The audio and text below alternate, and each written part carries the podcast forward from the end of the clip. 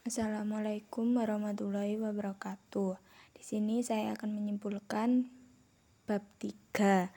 Sebelumnya saya perkenalkan nama saya Amalia Puspitasari. Di sini saya menyimpulkan pada bab 3 yang saya ketahui yakni gagasan mengenai demokrasi dari kebudayaan Yunani kuno dan gagasan mengenai kebebasan beragama yang dihasilkan oleh aliran reformasi serta perang agama yang menyusul.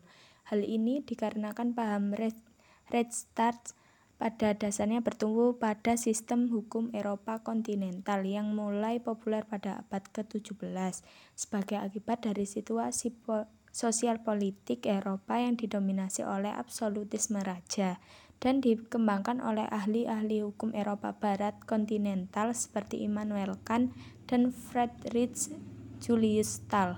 Namun pada dasarnya kedua konsep negara hukum tersebut secara filosofis merujuk pada apa yang dikemukakan oleh Aristoteles.